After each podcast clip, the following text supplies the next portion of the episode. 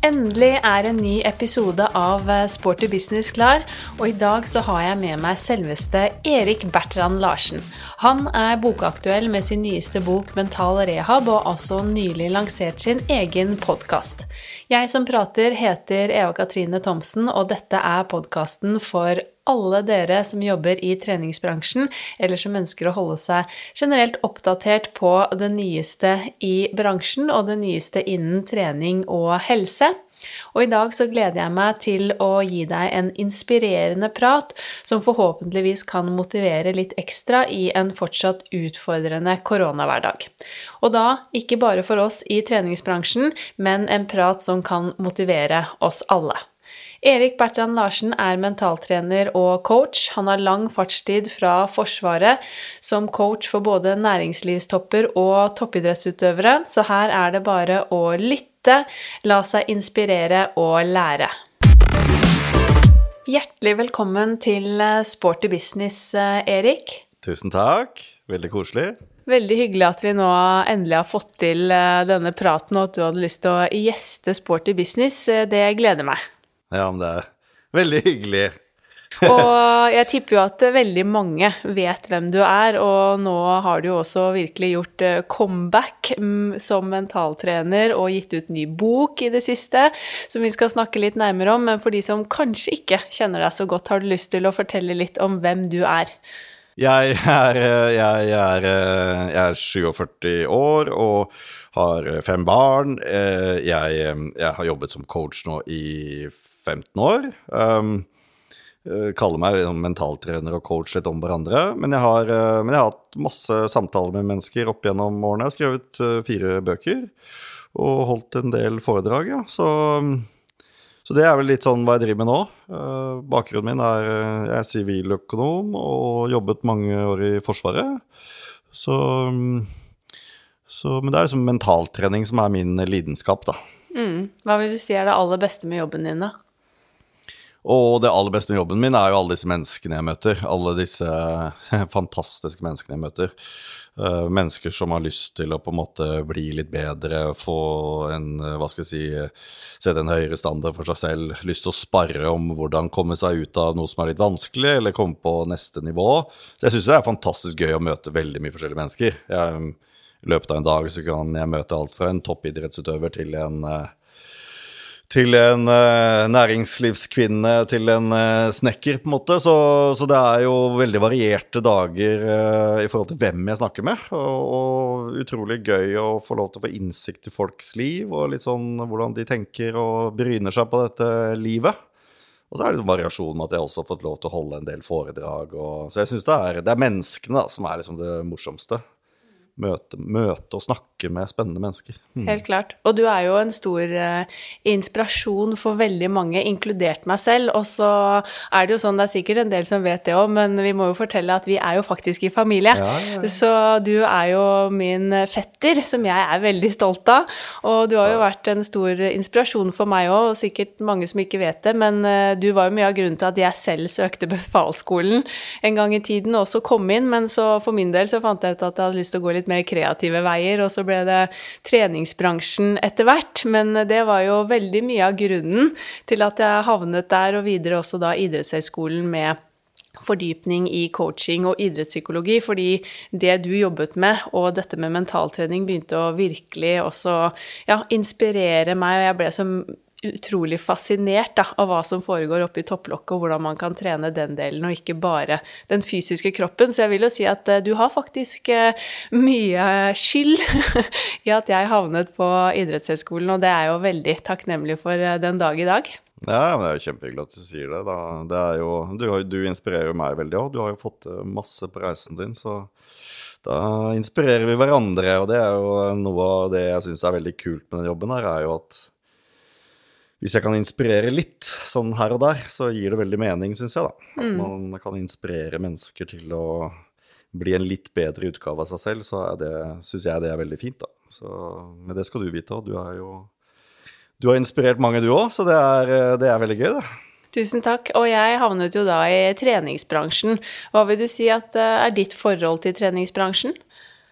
Ja, trenings... Altså, jeg, jeg har jo Jeg har alltid likt å trene. Liksom, fra jeg var liten gutt, så har jeg jo trent mye. Også, men bransjen som sådan har jeg jo et forhold til som kunde, først og fremst. Jeg har liksom vært medlem av ulike sånne treningssentre. Uh, så, så, jeg har et veldig godt forhold. Jeg syns det er veldig fint at det popper opp treningsmuligheter ad mass rundt omkring i, i landet. Og det, liksom, det, har jo skjedd en voldsom utvikling når jeg er blitt såpass gammel at jeg ser jo liksom at det har vært en voldsom utvikling. Da jeg var ung, så var det på en måte ulike klubber og foreninger, og det var de man kunne trene hos. Og så åpner man jo opp for disse treningssentrene hvor hvermannsen på en måte får et tilbud, og det syns jeg er veldig positivt. Så, nei, jeg, jeg, har, jeg, har, jo vært medlem også av masse ulike steder, og jeg syns jo det har vært veldig gøy. Jeg har ikke brukt så mye PT, jeg har ikke vært så mye sånn felles klasse, gruppetreninger og sånn. Men uh, jeg digger å gå på treningssenter og både trene utholdenhet og styrke. Så så jeg, jeg, jeg digger å trene, jeg. ja. Og hvor viktig vil du si da fysisk aktivitet og trening eller bevegelse er for deg i din egen hverdag? Nei, Det er jo superviktig, og det bør det jo være for alle, tenker jeg. For jeg har faktisk, eh, jeg har faktisk definert eh, på en måte verdiene mine. Og, og, når du stiller spørsmålet, så popper det jo inn at verdi nummer én for meg er jo helse. Eh, det viktigste for meg er å ta vare på helsa mi. Eh, det kommer foran nesten alt annet, fordi der tenker jeg litt sånn oksygenmaska først på seg selv, og så hjelpe andre. Eh, for hvis jeg skal prøve å være en god far eller en, eh, ålreit sønn eller en god venn, eller hvis jeg, skal, måte, hvis jeg skal gjøre en god jobb, så må jeg jo ha helsa mi. Og det tar man jo for gitt når man er frisk, men alle som har vært syke eller vært utsatt for noe hvor helsa har blitt utfordra, så erkjenner vi jo at det er jo, det er jo superviktig. Så, um, så jeg, eh, jeg, setter jo helse ekstremt høyt, og da tenker jeg kosthold og trening og søvn. Og, og trening er jo noe vi bør liksom ha Vi har jo fått den kroppen her til å bevege på den, da. Så det tror jeg er viktig, at vi prøver å holde den uh, tempelet. Så vi må ivareta tempelet vårt. Mm, helt klart. Og jeg håper at akkurat den tankegangen om helseperspektivet kanskje kan uh, bli litt uh, Altså, hva skal jeg si Få litt større plass da i treningsbransjen. Vi har blitt bedre de siste årene, men der har det jo vært mye fokus på kropp og utseende, egentlig.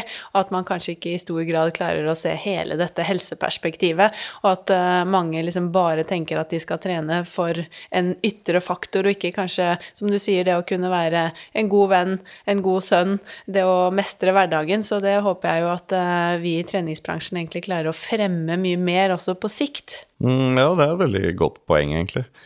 Det er uh, fordi helsa påvirker på en måte alt i livet. Så det er jo veldig ofte at jeg har kunder som uh, snakker om ulike utfordringer. Det kan være selvtillit, selvfølelse, det kan være evnen til å planlegge, det kan være å bli tøffere på jobben. Altså det er jo Man kan jo spare om det meste, men veldig ofte så blir jo svaret at jeg tror du får det bedre med deg selv, eller jeg tror du tar den utfordringen bedre hvis du blir, hvis du trener litt. Grann. Eh, og det er, så det er eh, får man, får man, en god helse, så er det liksom helt fantastisk hvilke ringvirkninger det får, da. Så mange tar det som en selvfølge, men det er jo de som ikke trener i det hele tatt. Og, og da er det jo liksom enorm forskjell hvis de bare begynner å bevege på seg litt. Da. Ja. ja, det er jo den beste medisinen, vil jeg si. Ja, absolutt. Absolutt. Men som du nevnte innledningsvis, da, du er jo da mentaltrener eller coach, og har jo nå da utgitt din eh, fjerde bok, Mental eh, rehab. Eh, og alle disse bøkene som du har gitt ut, vil jeg jo klassifisere som en type selvhjelpsbøker. Mm. Kan du fortelle litt om liksom hvordan det hele startet? Hvordan startet den første boka 'Bli best med mentaltrening', og hva handler, litt, hva handler den siste boka om?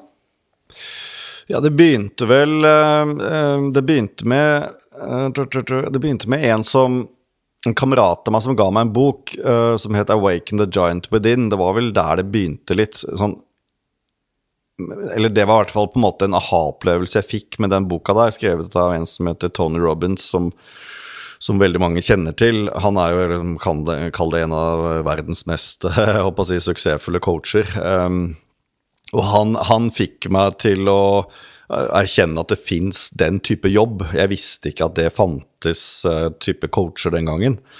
Så jeg ble veldig nysgjerrig på den boka, og, og dro og, for å høre på han. Eh, og ble veldig sånn fascinert av at det fins en mulighet til å inspirere. Og da på en måte klikka veldig mye på plass for meg, fordi da erkjente jeg da at eh, hele livet så har jeg egentlig vært nysgjerrig på menneske og menneskesinnet. Har vært veldig sånn nysgjerrig på hvorfor er det noen som har såkalt suksess og andre ikke. Hva er forskjellen på å være OK, den beste utgaven av seg selv? Hvorfor er det noen som får det til og andre ikke? Og da ble det liksom at ok, det er jo, dette er jo det som er lidenskapen min. Og da, da, ble det til at jeg bestemte meg, etter at jeg hadde hørt på han i London, at jeg, ok, dette skal jeg prøve å leve av. Jeg skal prøve å leve av å inspirere mennesker og, og spare med mennesker, slik at de blir Kall det litt mer bevisste, da. Bevisste på tankens, eh, tankens kraft. Um, så det var jo egentlig sånn det, det begynte litt. Grann. Men, eh, men, egentlig så var det vel nysgjerrigheten der fra jeg var liten, eh, liten gutt. Mm. Så når det gjelder den siste boka mi, så handler jo den om Den, handler, den er jo veldig sånn personlig, egentlig, og veldig åpen og ærlig. Og det har vel vært litt sånn vondt å gi den ut på mange måter. Men litt godt òg. Den handler om min store nedtur i livet. Jeg håper det blir min største håper det blir min største nedtur, og ikke at det kommer noe mer som var verre enn det. fordi at jeg gikk ordentlig på trynet for noen år siden. For så vidt en prosess som varte i mange år. men det, det kulminerte i at jeg ble avhengig av smertestillende. Og, og, det ble så ille at jeg, jeg trodde at jeg skulle fikse og takle det der på egen hånd, men så klarte jeg jo ikke det. Og så, og så ble jeg avhengig av disse pillene, og, og, det ble så ille til slutt at jeg da jeg løy jo for meg selv og de nærmeste i forhold til at, eh, liksom, dette her skulle jeg fikse på egen hånd. Dette her var ikke noe problem, det var jo etter hvert et kjempeproblem. Og jeg måtte, på, jeg måtte rett og slett få hjelp uh, for å komme meg videre og, og, ut av det. Og, og, det ender da med at jeg drar på rehab i USA. Mm. Og boka handler egentlig om flyturen på vei til rehaben, og så er, det, og så, så er boka delt i fem, hvor liksom hvert kapittel er delt i to. Uh, hvor første del handler om uh, litt min opplevelse på rehaben, og så er del to i hvert kapittel mentaltreningsaspektet på det, da. Mm. Så det er jo på en måte mentaltreneren og privatpersonen som forteller, men, uh, men jeg håper jo jeg håper jo inderlig at boka kan være til hjelp da, til de som opplever um, en eh, større eller mindre krise. Men så handler faktisk boka om hvordan vi alle kan ta livet et lite knepp opp, da. Fordi det er, det er sånn fascinerende at det er når man virkelig sliter, at man kanskje ser effekten av det jeg holder på med, veldig tydelig. Mm. Så jeg har hjulpet veldig mange forhåpentligvis uh, hjulpet noen, Eller jeg har vel hjulpet noen der ute. Uh, men jeg har kanskje ikke vært så flink til å hjelpe meg selv. Men, uh, men når jeg var på rehaben, så skjønte jeg at veldig mye av de verktøyene og metodene jeg selv har på en måte predikert, måtte jeg bruke på meg selv. Og at det, det de lærte meg på rehaben, kjente jeg igjen mye, da. Så, så det er jo en, det er en veldig sånn åpen og ærlig bok, men jeg håper jo at mentaltreningsaspektet er det folk tar, tar med seg, da. Og det er ikke bare en historie, liksom. Men men eh, ja, så det er det, det, det er det, den boka handler om. Eh, de andre bøkene har på en måte kanskje vært litt mer offensive og tøffe, mens den her viser litt mer den sårbare siden av meg. Da. Ja. Ja, det er jo veldig Det er modig, syns jeg, å fortelle hele historien. Og jeg er helt overbevist om at det kommer til å være til støtte og inspirasjon og hjelp for uh, veldig mange. Og hittil så har du jo fått, uh, i hvert fall så vidt jeg vet, også veldig positiv respons etter at du har uh, ja, åpnet opp og fortalt din historie. Og jeg var jo så raskt i boka, så er vel jeg tror det er første kapittel som handler om å re opp senga. Stemmer det? Ja, det handler om liksom Det handler jo litt om å komme komme i gang. ikke sant? Livet består jo av disse dagene eh, som kommer og går. og og, og, det er noe vi ofte blir litt sånn bevisstløse på, at uh, livet er tross alt relativt begrensa, og, og det, det, består av disse dagene som for veldig mange bare kommer og går litt, da. Uh, og da er jeg litt sånn opptatt av hvordan kan vi kanskje få en god start på dagen.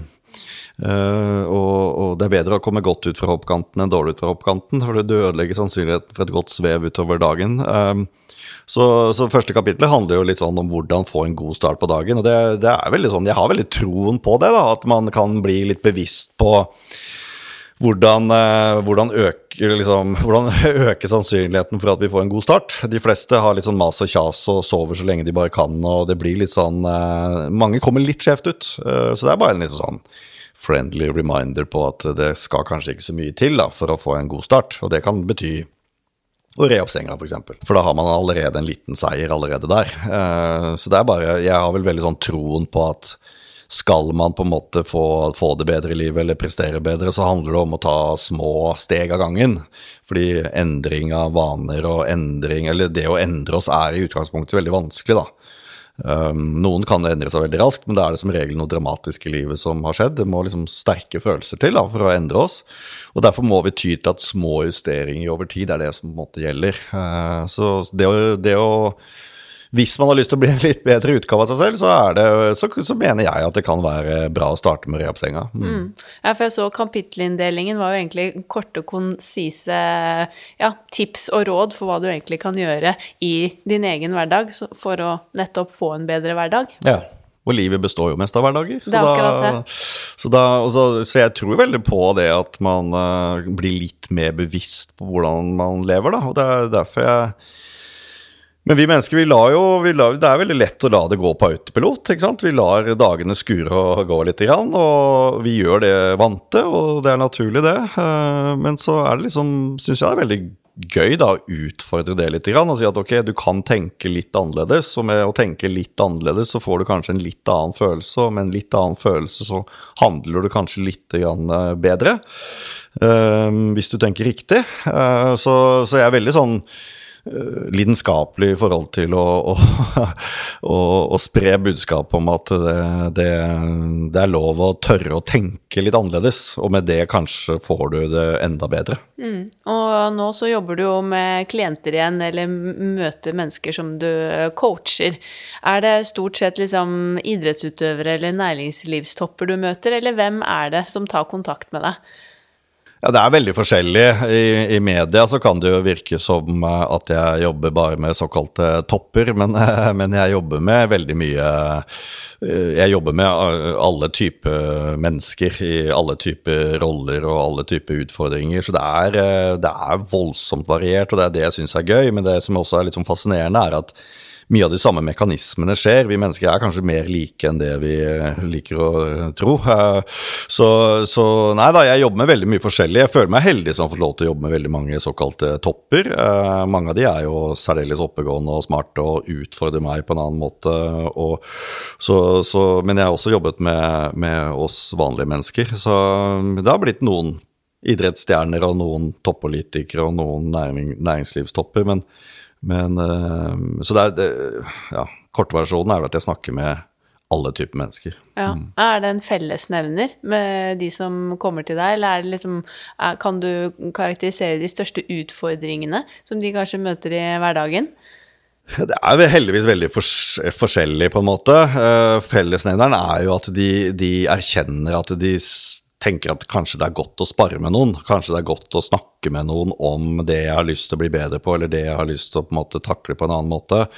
Um, så det er et vanskelig spørsmål, fordi at det er uh, det er, det, er så, det er, så, variert, uh, men de kommer jo til meg med et ønske om å ta det et nivå høyere. Uh, og hvis, du, hvis jeg jobber med en idretts utøver, så, så, er det jo liksom hvordan kan jeg tenke mer optimalt for å gjøre det litt bedre i hverdagen, og, og klassikeren hvordan uh, være best når det gjelder. Um, næringslivet så, så, er det mye om balanse i livet, og det er mye om liksom, hvordan takle privatliv opp mot jobb, og det er um, hva skal jeg si, hvordan være mer konsentrert, og det er liksom hvordan kan jeg finne mer energi, hvordan kan jeg finne mer motivasjon i hverdagen.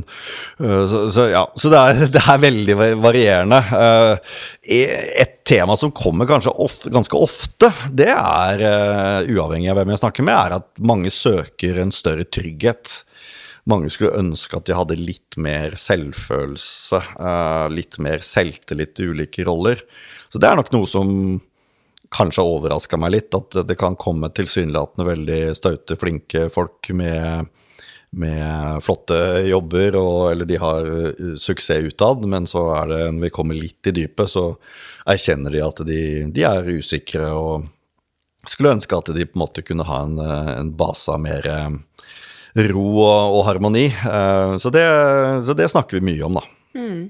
For oss som jobber i treningsbransjen, da, så møter jo vi også selvfølgelig veldig mange ulike mennesker, og vi ønsker jo å bidra da til å hjelpe disse med f.eks. livsstilsendringer, eller å komme i gang med fysisk aktivitet og trening, ikke minst bli glad i å drive med aktivitet og bevegelse. Og det å motivere disse menneskene, det er jo helt sentralt i den jobben vi gjør, og det er jo på en måte det viktigste for alle i treningsbransjen, er jo å motivere folk til å få lyst til å komme tilbake igjen og igjen uh, på trening. Um, hva vil du si er essensielt i møte med disse menneskene? Uh, hva kan vi gjøre for å liksom, legge til rette for en god prosess fra starten av? Ja, det er et veldig godt spørsmål. Det er jo, og mitt inntrykk er at veldig mange av de som jobber i treningsbransjen, er gode på dette her. Og mitt inntrykk er at veldig mange i, i din bransje og den jobb, type jobb du har, så er de nysgjerrige også på det mentale. Det er veldig mange i din bransje som, som er eh, som jeg har snakket med, og som har sparet med, og som kommer tilbakemeldingene på bøkene mine og sånn. Så jeg, i utgangspunktet så tenker jeg at dere er ganske gode på det. Uh, fordi at man skjønner at kropp og sinn henger sammen, og man skjønner at uh, trening er nå én ting. Man kan på en måte lese hva som er bra og hensiktsmessig og effektiv trening, men utfordringen er å gjøre det. Så det, jo, det, det, skorter jo ikke så ofte på kunnskap hos folk. Folk vet at det er bra å spise sunt og, og trene litt. Um, utfordringen for de aller, aller fleste er jo faktisk få dette her til å bli en, eh, en del av hverdagen, og, at de gjør det. Og det kjenner jo jeg også på kroppen, det, at det er jo ikke alltid jeg har lyst til å trene. Det er vel flertall av de gangene jeg har ikke har lyst sånn i utgangspunktet. Mm. Og da blir jo på en måte utfordringen da hvordan da gjøre det. Men for å prøve å komme med noe konkret i forhold til eh, liksom hva, hva, kan folk i treningsbransjen når de møter nye kunder, så det første jeg tenker på, er jo prøve å liksom få folk til å tørre å tenke på hvorfor skal jeg trene? Altså, hva, hva er grunnen til at man har lyst til å ta vare på eh, kroppen sin? Og Hvis man får folk til å begynne å tenke på det, og det kan man gjerne utfordre litt på ikke sant? Altså At man bruker noen minutter på ja, hvorfor i all verden har du lyst til å trene. For hvis man setter ord på det, liksom hvis man kommer opp med sitt why, så finner man alltid Så, så er i hvert fall sannsynligheten for, for, at man finner sitt how, er liksom mye større.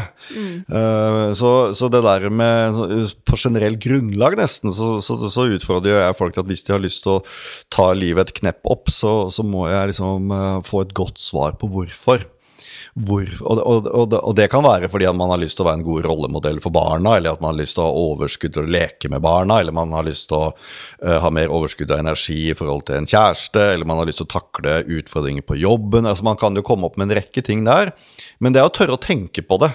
Og hvis man tør å tenke på det, og til og med kanskje skriver det ned, så manifesterer man det hos seg selv i mye større grad, og man, man liksom øker sannsynligheten, da, uh, istedenfor at det bare er noe man ja, det hadde vært kjekt å begynne å bevege seg. Men jo mer liksom konkret på hvorfor skal du bli i litt bedre form, uh, jo mer sannsynlig er det at det blir en, en, eh, noe du kan da, Men da må, du, da må, du, minne deg på det. Du kan også definere dette her som en kall det mål. Da, Man har lyst til å trene og så komme dit og dit fordi sånn og sånn. Eh, og, da, da, og, hvis man minner seg på det i hverdagen, så øker man sannsynligheten for at man begynner å trene litt sånn jevnt og trutt. Og hvis man trener litt jevnt og trutt over tid, så øker man også sannsynligheten for at det blir en vane og en del av hverdagen. Da. Men det, her, det, er jo det her som er krevende. Det er jo derfor det fins så fordømt mange coacher og mentaltrenere og psykologer. Og vi, det er jo, det er jo vi, vi, har, vi mennesker er så ekstremt søkende mot komfort. Og de aller, aller fleste opplever det som å gå litt utenfor komfortsonen sin med å dra og trene. For at det er litt mer komfortabelt å ikke trene enn å trene. Selv om det føles godt etter bare noen fem-ti minutter å trene, så er det allikevel en liten terskel hver gang. Og vi er ekstremt søkende mot det komfortable. Og det ligger i oss som mennesker. Og det er helt, altså det, Fra evolusjonens side så vil vi søke det komfortable. fordi at vi levde jo i en verden i tusener av år hvor det var ekstremt ukomfortabelt. Mm. Jeg kan putte deg opp i Nordmarka nå, og så sier jeg liksom Eva Katrine, nå skal du, nå skal du overleve i Nordmarka uh, i noen uker. Og det, det, tar ikke mange timene før det blir ukomfortabelt. Det tar, ikke, det tar, ikke, mange timene før du begynner å fryse litt, og før du blir sulten, og før du vil ha trygghet i forhold til vær og vind. Altså, vi levde jo tett på naturen i, i et par hundre tusen år, ikke sant? Og så plutselig Og da, og da blir vi, vi, Hvis du lever tett på naturen, så blir du helt sånn Du blir helt obsesst på å finne litt komfort. Litt trygghet, litt uh, mat, litt varme. Uh, du, du, blir helt du, du, Det er det eneste, eneste, du på en måte er opptatt av, å få litt av det komfortable. Ja, ja. Og det, det, inst, det in, instinktet der har vi fortsatt i oss litt komfortabelt. Og da, derfor, selv om vi har det ekstremt komfortabelt nå i forhold til når vi levde tett på naturen, så søker vi fortsatt det som er litt velbehag, litt komfortabelt. Litt fett, litt sukker, litt hvile, litt varme. Uh, og hvis du får valget på jobben, skrive en vanskelig mail kontra en lett mail, eller ringe en vanskelig kunde kontra ringe en, en glad kunde, så velger vi hele tiden det komfortable. Mm. Og det er noe av utfordringen på at, vi, at, vi, eh, at det er vanskelig å komme med trening, selv om det ikke er beinhardt å ta seg en enkel liten treningsøkt. Nei. Og det du sier om at man skal prøve å finne ut hvorfor man har lyst til å begynne å trene, eller eh, begynne med et eller annet nytt, altså uansett hva det er, det tror jeg er et veldig godt poeng. Og kanskje også, for all del, det er veldig mange i min bransje som er superflinke til det, men jeg tror det kan være lett for oss som også kanskje er veldig glad i å trene allerede, og være litt vanskelig å på en måte bruke mye tid på det, og at uh, f.eks. PT-er eller andre, at vi kan nærmest liksom pålegge kundene våre egne mål og tanker og ønsker om hva man har lyst til å få til, mm. uten at det faktisk er deres hvorfor som ligger til bunn for treningen. Så det er eh, et veldig godt poeng og viktig å inkludere i f.eks. en startsamtale med noen som skal eh, komme i gang. Ja, og der tror jeg det er veldig viktig at, eh, at man får fram sannheten. Fordi hvis, et, hvis et, på en måte et, et, et, hvorfor eller et mål skal fungere, så må det være veldig ærlig. Fordi at det må skape en positiv energi med å ville trene. Og da må man finne der, den, den, den, man må finne sannheten på hvorfor ønsker man å trene. For Hvis man finner et mål som på en måte ikke skaper en føle, god følelse bare med å tenke på det, så, så, så mister du den effekten. Et godt mål skal egentlig trigge noen positive følelser der og da, når du tenker på det. Og da er det kanskje så positivt at det overvinner frykten for ubehaget. Eller overvinner dette her med den viljen bare til å egentlig ta enkleste motstands vei. Så det, det, må trigge noe positivt ved å tenke på sitt hvorfor. Uh, og den, den, er viktig. Altså jeg merker det veldig godt på toppidrettsutøvere. For toppidretten avslører egentlig hvilken effekt mentaltrening har. Uh, uh, og hvis en toppidrettsutøver har på en måte et mål som ikke trigger de positive følelsene nok, så, så, så går ikke vedkommende all in. Og da, da, blir hun eller han aldri Da, da når de ikke drømmene sine, for de er, de er ikke ærlige. Så hvis en toppidrettsutøver eh, liksom finner sitt, sitt, innerste hvorfor, da kan de bruke det som et verktøy hver eneste dag, som gjør at de tar litt mer av de rette valgene. Og det er noe som vi vanlige mennesker kan lære av, at vi må finne liksom, det, det sanne og ærlige målet det sanne og ærlige hvorfor.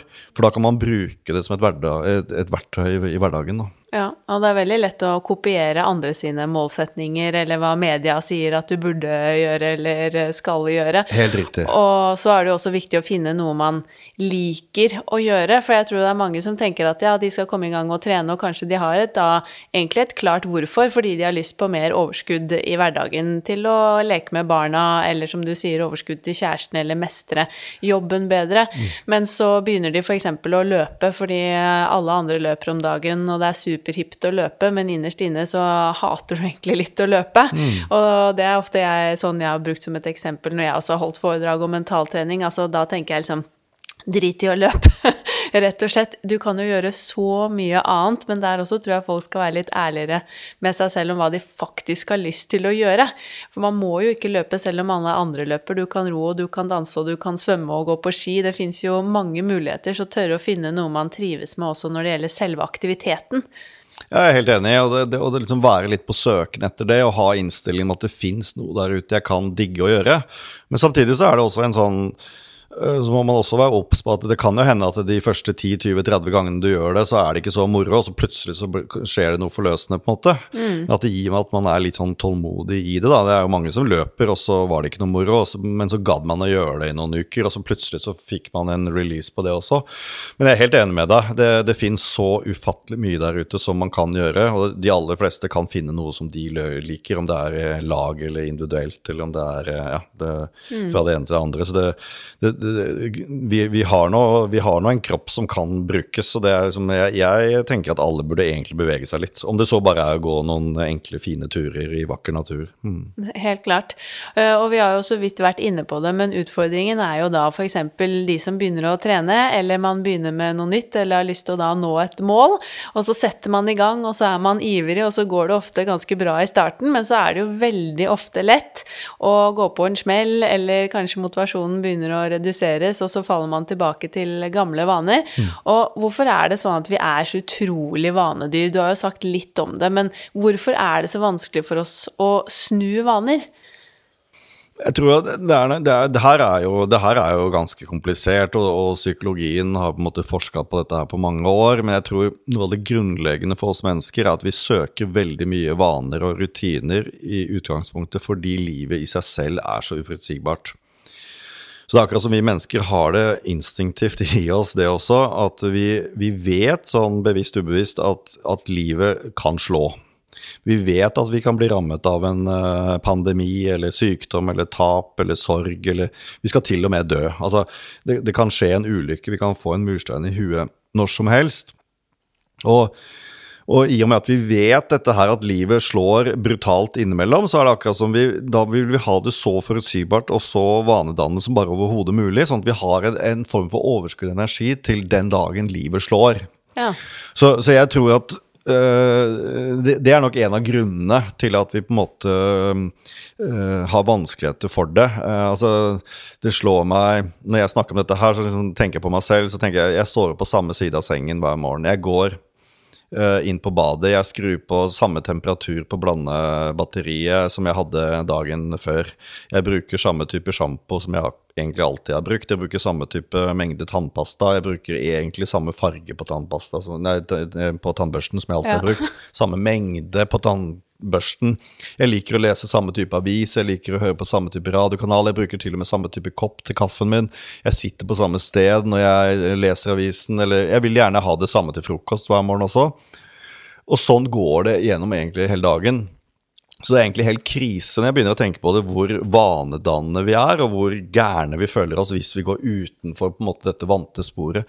Men det er rett og slett altså kan, Et fint eksempel syns jeg er at hvis du ser på, du ser på en tennismatch da, som, som livets uh, match, liksom, eller livets kamp, så, så er, altså er, jo dette uforutsigbart i forhold til vær og vind. Det er, det er uforutsigbart hvordan motstanderen kommer til å spille.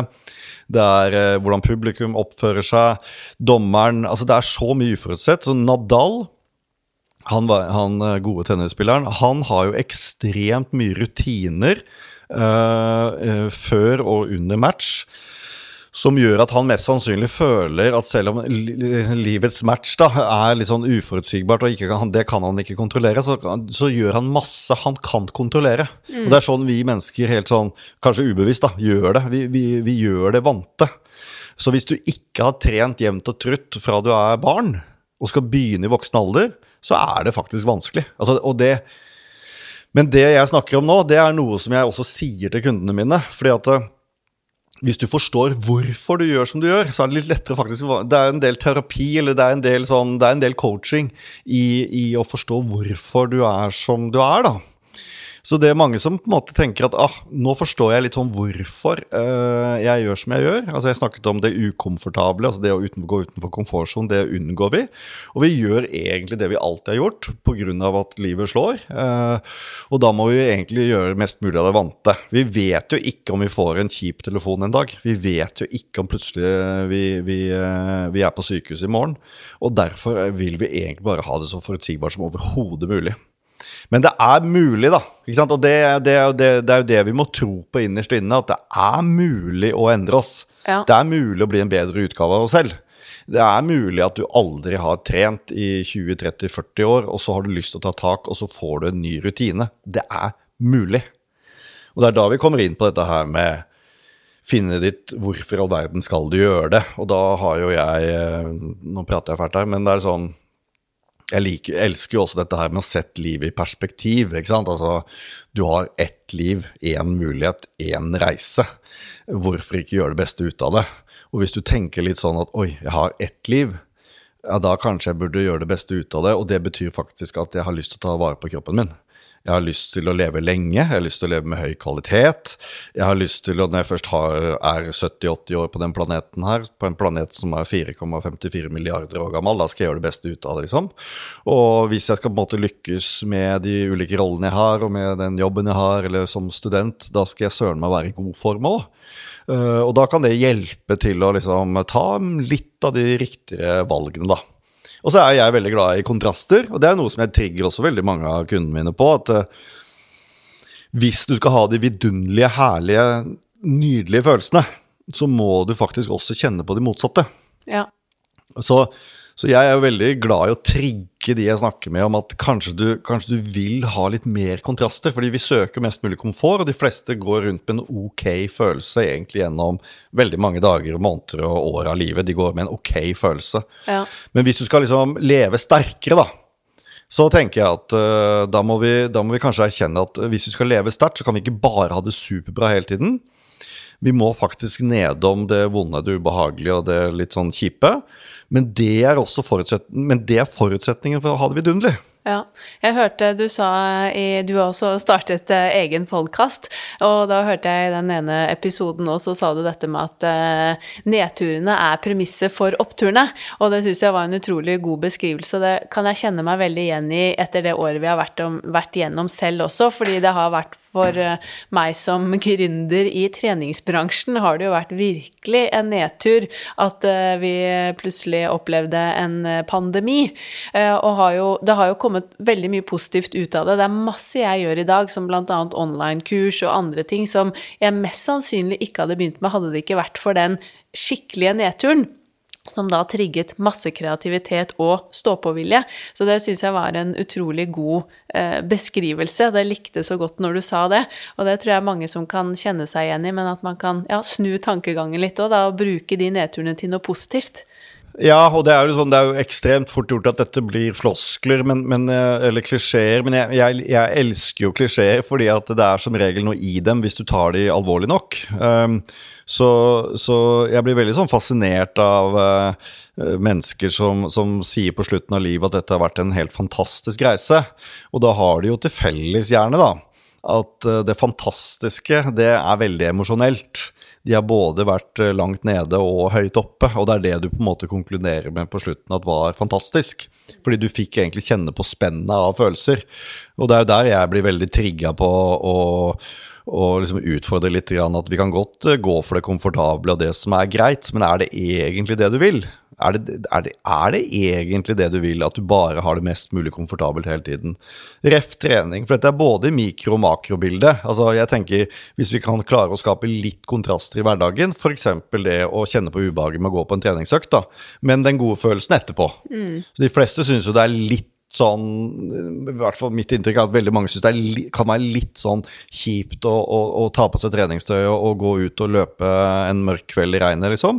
Men, men, men, da er det jo desto mer digg i dusjen etterpå, eller den følelsen du har etterpå. Og det å skape disse mikrokontrastene i løpet av en dag, det tror jeg kan ha en verdi, da. Um, man sier jo at eh, man aldri angrer på en treningsøkt, og det er jeg helt enig i selv, selv om det har vært blytungt mange ganger å faktisk liksom komme i gang, og den typiske dørstokkmila, da, å passere den. Ja. Men har du liksom noen konkrete råd, altså enten i møte med en kunde som PT, eller for oss selv egentlig, sånn i hverdagen, Bruker du f.eks. når du jobber med dine eh, klienter, gir du dem noen sånn konkrete råd? Altså, skal de skrive noe til seg selv? Skal de henge opp lapper? Er det noe de kan minne seg på for å på en måte få det til? For én ting er hvorfor at man begynner der, mm. men så for å på en måte klare å komme i gang og vedlikeholde det gjennom hverdagen, er det noen smarte grep man kan gjøre da? Altså Når vi snakker om kontraster, så, så bare, bare, bare, for å fullføre den der med at jeg tror på mikrokontrasten i løpet av en dag, at man liksom kan utfordre seg litt med, med at man kjenner litt på ubehaget fordi det er noe velbehag i andre enden. Men det samme er det med liksom litt tyngre perioder i livet. Alt har jo en ende, på en måte. Man kan ha en tung periode på en uke eller måned, til og med år, men da er det noe det er, Man må jo tro at det fins noe vakkert i andre enden der òg. Så den bruker jeg faktisk som en metode. At det er alltid verdt det. Mm. Men, men, det er klart at uh, f.eks. Altså det, det, det, jeg opplever at mange syns kan være som kan funke, i hvert fall innimellom, det er dette her med at eh, når du står der og du erkjenner at du har et valg Hvis du kommer hjem etter en lang dag på jobb, da. Og så, kom, og, så, og så, er det litt sånn sen ettermiddag, kveld, og så, og så får du valget skal jeg, skal jeg trene nå, eller skal jeg ta sofaen?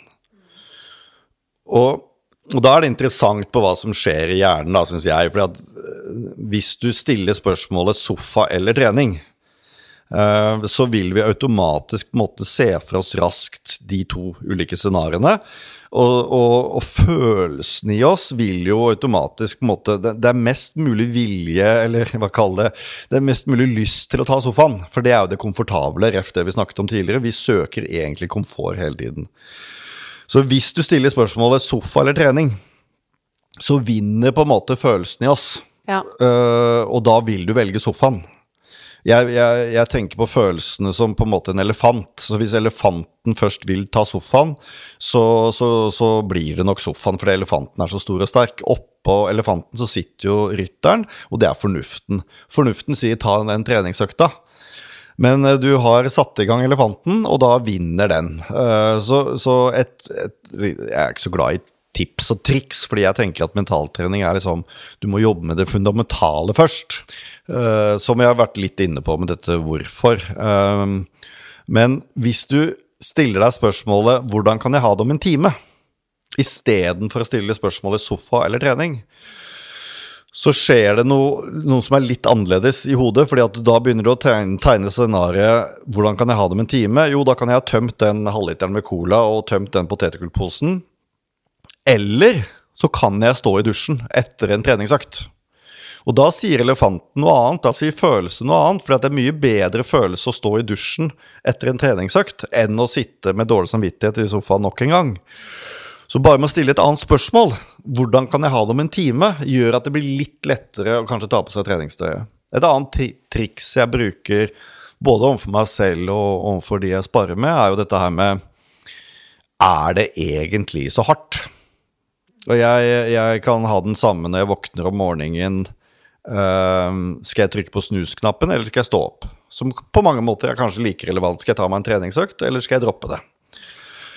Og når jeg stiller spørsmålet er det egentlig så hardt å stå opp nå, så setter jeg det automatisk i perspektiv og tenker at ja, når Nelson Mandela og Dette gjør jeg faktisk ganske ofte på morgenene, eller når jeg skal ta, vurdere om jeg skal trene eller ikke. Liksom, når Nelson Mandela våkna opp på sitt 16. år på Robben Island og bodde på en bitte lite enmannscelle med en bøtte som toalett, da var det hardt å stå opp om morgenen. Eller når Børge Aasland er på sitt uh, 40. døgn uh, på Nordpolen, og det er minus 35 i teltet, og han vet han skal nok en gang ut i isødet og kjempe mot skruisen. Da er det hardt å stå opp om morgenen. Så det å sette det litt i perspektiv hjelper meg, for da, da bryter jeg det ned og sier at det, det er jo ikke hardt å stå opp i et temperert rom. Det er jo ikke hardt å gå inn på badet og pusse tennene sine overfor porselensvasken. Det er jo ikke brutalt krevende å ta seg en varm kopp kaffe. Og det kan hjelpe litt. Det samme med, i forhold til trening. Er det virkelig så blodhardt å, å kle av seg og ta på seg treningstøy, så bryter jeg det opp, da. Ja. Nei, jeg klarer, Det koster, koster meg ikke mange kaloriene å kle av meg og ta på meg treningstøyet. Det klarer jeg. Og så kan jeg bryte det opp sånn før jeg da vurderer å trene. Klarer jeg å gå ned trappa, liksom? Ja, det klarer jeg. Klarer jeg å gå ut til treningssenteret? Ja, det klarer jeg. Og så får jeg sånne delaksepter på at jeg egentlig klarer det uten å få en følelse at det er så brutalt hardt. Og så kan jeg stille meg spørsmålet er det, liksom så, er det så hardt å begynne å gå på en tredemølle for å varme opp. Nei, det er jo ikke brutalt krevende, det. liksom. Det, er, det fins verre ting her i livet. Og så liksom, er, det da, er det da hardt å begynne å småjogge Nei, det er det jo ikke. Jeg kan jo ta en rolig økt òg, hvis kroppen min føles veldig tung. Og så leker jeg med disse små beslutningene, og da blir det litt lettere. Og da blir det sånn Æh, kom igjen, da. Og så er det noe som du var inne på, at liksom sånn øh, At øh, du, noe som jeg er veldig glad i, da, at liksom, hvilken type indre dialog har du med deg selv uh, fra morgen til kveld? da? Mm. Og du, liksom, du, blir jo litt hva du sier. Du bør ikke tro på det i begynnelsen, men etter hvert som du prater uh, mye til deg selv, så begynner du å tro på det. Altså, Vi mennesker har en enorm evne til å tro. Vi har jo trodd standhaftig på at jorda har vært flat, og vi har trodd på Midgardsormen og Thor og Odin. Altså, vi, vi kan ja. tro. Vi mennesker kan tro. Og det er veldig, det er veldig fascinerende å jobbe med med næringslivsledere som også tror intenst at de får det til, eller en idrettsutøver som tror intenst at hun eller han kan bli olympisk mester. Og Hvis du skaper en tro, så er, påvirker det handlingene dine. Men hvor kommer den troen fra?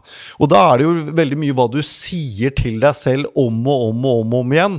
Altså Folk kan jo tro på en Allah og en gud i dag også, uh, uten at de har møtt han, eller at de på en måte kan bevise at det fins. Men gjentar du noe til deg selv over and over and over again, så begynner du etter hvert å tro på det. Og det er sånn som vi mennesker som individer også. Altså hvis, hvis, jeg sier til meg selv at jeg er en sporty fyr Hvis jeg sier at jeg er sporty, jeg er, jeg er rå, jeg, jeg er offensiv, jeg. Hvis jeg sier det til meg selv om og om igjen, og det må gjerne være en lapp i kjøleskapet eller bakgrunnsbilde på mobilen, eller Du blir minnet på hva du ønsker å bli.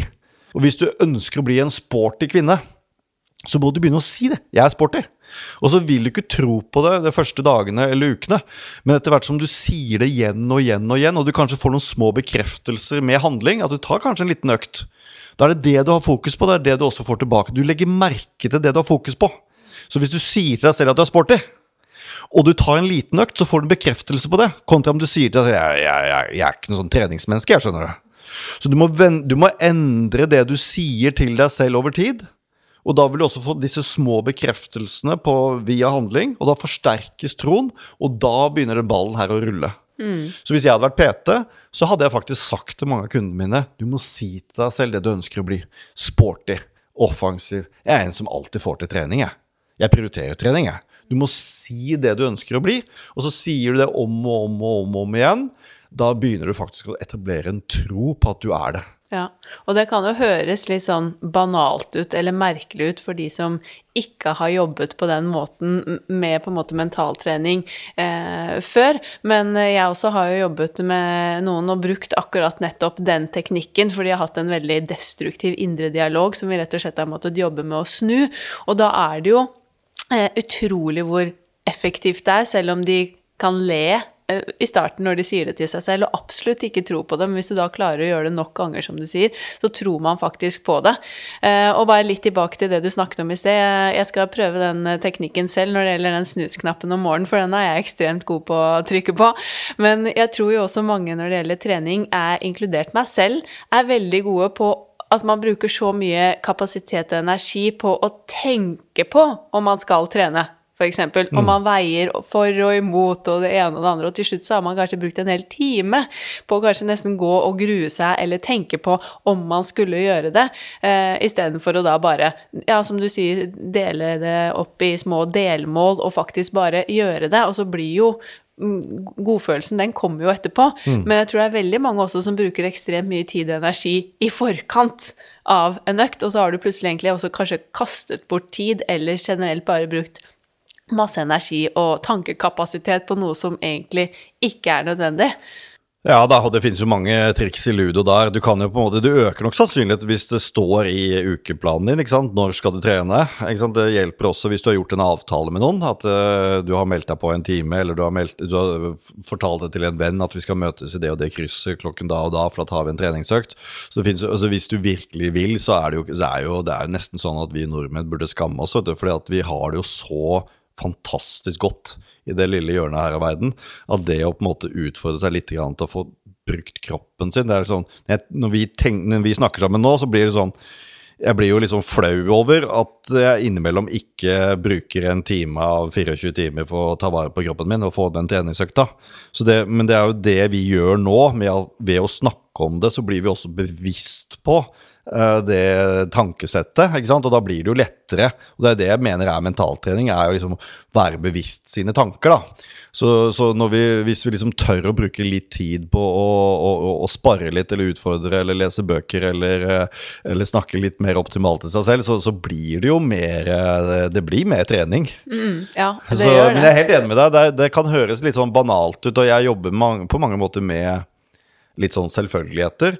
Men det er det å overbevise altså De største kris, de kritikerne, så, så, så, blir det på en måte å få dem til å erkjenne at det du velger å tenke, påvirker hva du føler. Og hva du føler, påvirker på mange måter handlingene. Uh, fordi tankene går på veldig mye autopilot. Men, men vi velger faktisk hva vi tenker. Så når, når, du våkner om morgenen eller står foran valget skal jeg trene eller ikke, så, så er det du som velger spørsmålet ditt. Og, og, spørsmålet er faktisk helt avgjørende for om det blir økt eller ikke. da. Det gjør faktisk det. Mm.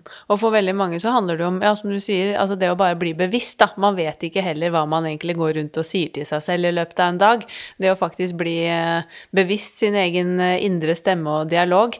Men eh, ja, vi kunne jo ha skravlet om dette i flere timer, så jeg tenkte jeg skulle bare spørre deg om en siste ting før vi skal runde av her.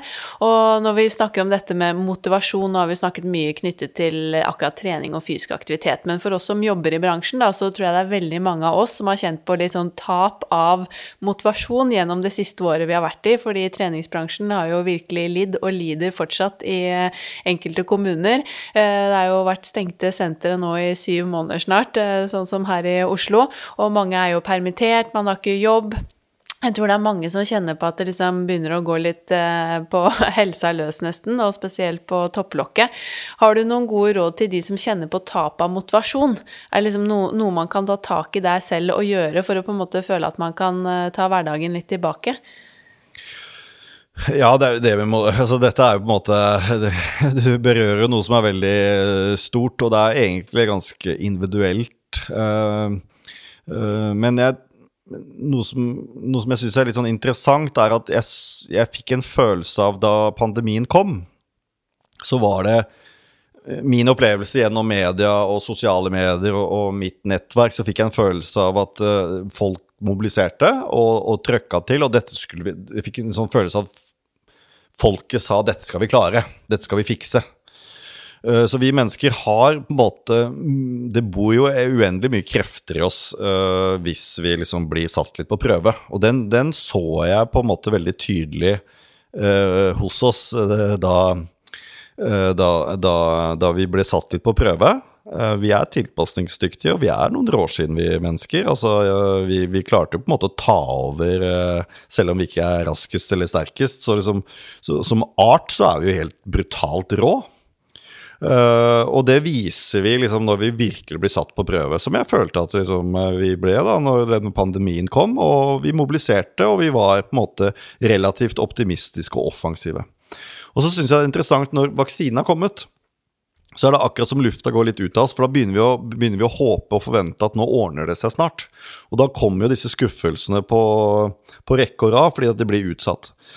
Så en, en en øvelse som, som, jeg tror mange kan ha glede av, er å, å, late som, altså at man er med på et tankeeksperiment, at dette her kommer til å vedvare. Lat som om dette kommer til å vare i fem eller ti år til. Hva hadde du gjort da? Mm. Fordi øh, jeg husker min, øh, min kjære øh, bestemor, vår felles bestemor, når jeg tenker på ham. Uh, hun, hun, Jeg snakket litt med henne innimellom da jeg var liten om, om krigens dager. Mm. Og hun hadde en eller annen sånn uttalelse, jeg husker jo ikke ordrett, men hun hadde en sånn uttalelse om at hun syns egentlig Ja, krigens dager var jo krevende, men samtidig så var det noe var det liksom det var noe fint der òg, fordi at det, det, Akkurat som motstanden ga mening, fordi de håpet jo en eller annen dag at Norge skulle bli fritt igjen. Men det å ikke vite når gjorde jo at de gjorde det beste ut av det. Mm. Og det å ikke vite når gjør at man ok, nå er situasjonen sånn, hva kan jeg da gjøre for å få det best mulig? Men akkurat nå, når vi vet at vaksinen kommer, så er det akkurat som vi slipper oss ned, og så begynner vi å klage og syte, og så begynner vi å, å surve over at ja, nå er vi ordentlig lei. Men det tror jeg er farlig. Jeg tror det er mye bedre å tenke i sitt stille sinn at nei, nei, det her kommer til å vare tre-fire år, det. Mm. Hva gjør jeg da? Og da blir det mye lettere, i hvert fall opplever jeg for mange at det blir lettere å si at ok, hvis dette her varer, da må jeg, da må jeg jo faktisk begynne å trene. Da må jeg faktisk begynne å ha mer struktur i hverdagen. Da må jeg bli litt flinkere til å ta vare på vennene mine over skjerm. Da må jeg begynne å bli, begynne å bli flinkere til å se hva er bra med denne situasjonen her. Hva er positivt med denne situasjonen her? Hva er mulighetene i denne situasjonen her? Og det er jo lett å si, men det er liksom, hvert fall man, man, kan prøve å løfte seg litt ut av det, og prøve i hvert fall innimellom. Da. Mm. Og da kanskje man jevner det ut litt med at man klarer det. Jeg gjør det innimellom sjøl. At okay, jeg later som dette her varer i tre-fire år til, at, eller at neste uke så kommer det et nytt virus som er ti ganger verre, hva gjør jeg da? Og da blir det litt sånn Nei, men da, da, må jeg komme opp om morgenen, jeg må ha struktur på dagen, og jeg må prøve å få trent litt, og jeg må prøve å ta vare på vennene mine over skjerm. Da blir det litt lettere, da. Litt lettere. Og jeg tror på litt, da. Men så er det også viktig at Hei, innimellom er det Men jeg klarer jo ikke å dra og trene alltid. Jeg har dårlige perioder, jeg òg.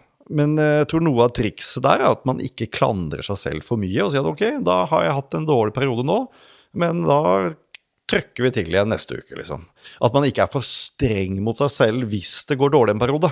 For det er veldig få som klarer liksom å være sitt såkalt beste hele tiden. Uh, men tillate at det, det, er greit at det er perioder hvor det er dårlig, men man må ikke da gi opp. Da, da, da får man ikke si det er typisk meg at jeg ikke får trent. Da må man si at nei, jeg hadde en dårlig periode, men jeg kommer tilbake neste uke. Ja, ja, det er veldig sant, og helt enig i det første du sier. Jeg har faktisk sagt til meg selv sånn Det begynte som en spøk at jeg drev og klaget litt og sagt sånn åh, dette her kommer til å vare til 2023-2024, men nå har jeg sagt det mer og mer til meg selv, så jeg har egentlig gått og tenkt at det gjør det. Så må man prøve å finne gode løsninger for eh, ja, hvordan skal man ha det da, hvis dette faktisk varer til 2023.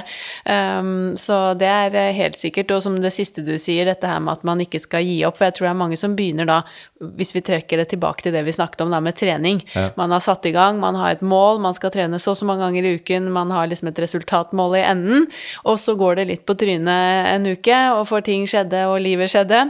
Og så har man kanskje ikke fått trent like mye, og så tenker man åh, nå gikk alt i vasken, nå må jeg begynne på nytt mm. i gåstein. For jeg tror det er veldig mange som da tenker at da er alt forgjeves, på en måte. Det jeg har gjort, det gikk ikke, nå må jeg begynne på nytt. Og hvis man da stadig vekk skal begynne på nytt, så kommer man jo ingen vei. Fordi det, du kommer jo til å gå på trynet underveis. Så helt klart være litt mer snill med seg selv og legge litt plan A og B og C underveis for hva man kan gjøre også når ting går på trynet. Mm. Jeg er helt enig. Helt enig. Mm. Veldig, veldig inspirerende prat eh, nok en gang. Jeg pleier jo alltid å avslutte også med å spørre de jeg har med meg i poden, om, eh, ja, om du har noen ideer til hvem jeg kunne ha intervjuet i Sporty Business. Er det noen du kunne sett for deg at du kunne ønske å høre i denne poden? Haha, jeg kunne jo jeg, jeg, liker jo mennesker som eh, på en måte blir inspirerende, for de drar den fryktelig langt. Og da tenker jeg liksom hvis, hvis, det er noen som drar den fryktelig langt, så, så, alt, så kan vi, vi, vanlige på en måte lære noe av dem. Eh, så en som på en måte har inspirert meg, er jo Børge Ausland. Eh, fordi jeg ble sånn Jeg, så jeg syns det er så fascinerende da, hvordan han klarer å tenke for å utsette seg for ekstremt ubehag over lang tid. Og der er jeg helt sikker på at uh, vi alle kan lære noe. fordi når du klarer det i det ekstreme der, sånn, så tenker jeg at når han klarer det, så klarer vi andre å trene litt eller spise litt sunnere. Når han viser hva som egentlig bor i oss med å gå til Sydpolen og Nordpolen, og det er ikke måte på hva han har gjort. Så uh, Børge Aasland er nysgjerrig på hva tenker når han står litt i, i, det, i, i det ubehagelige. Mm. Veldig, veldig godt uh, tips. Tusen hjertelig takk. Og tusen takk for en utrolig inspirerende og fin eh, prat, uh, Erik. Takk i like måte. Hyggelig å prate med deg. Tusen takk for at du lyttet til nok en episode av Sporty business. Jeg håper dette ga ny boost, i tillegg til konkrete verktøy du kan ta med deg inn i din hverdag som trener, både instruktør og personlig trener. Og har du lyst på enda mer boost og inspirasjon, så arrangerer vi i Inspartum Akademi en ny online treningsevent 24.4. Da kan du bli inspirert og trene sammen med Silje Torstensen, Alexander Aalerud, Maren Erdvik, Frøydis Hansvik og meg hjemme hos deg selv via skjermen. Sjekk ut inspartum.no og klikk deg inn på Inspartum Online Experience for å lese mer og melde deg på. Jeg håper at du har lyst til å være med og skape unike treningsminner sammen med oss anno 2021. Følg oss gjerne på Instagram at sportybusinesspodkast og bli med i gruppen på Facebook, Sportybusiness. Jeg blir også superglad om du vil legge igjen en kommentar og gi oss en rating i eh, iTunes. Det hadde jeg satt stor pris på. Vi poddes igjen om eh, to uker. Ha en sporty uke videre. Denne podkasten produseres av Inspartum Akademi og North Stories.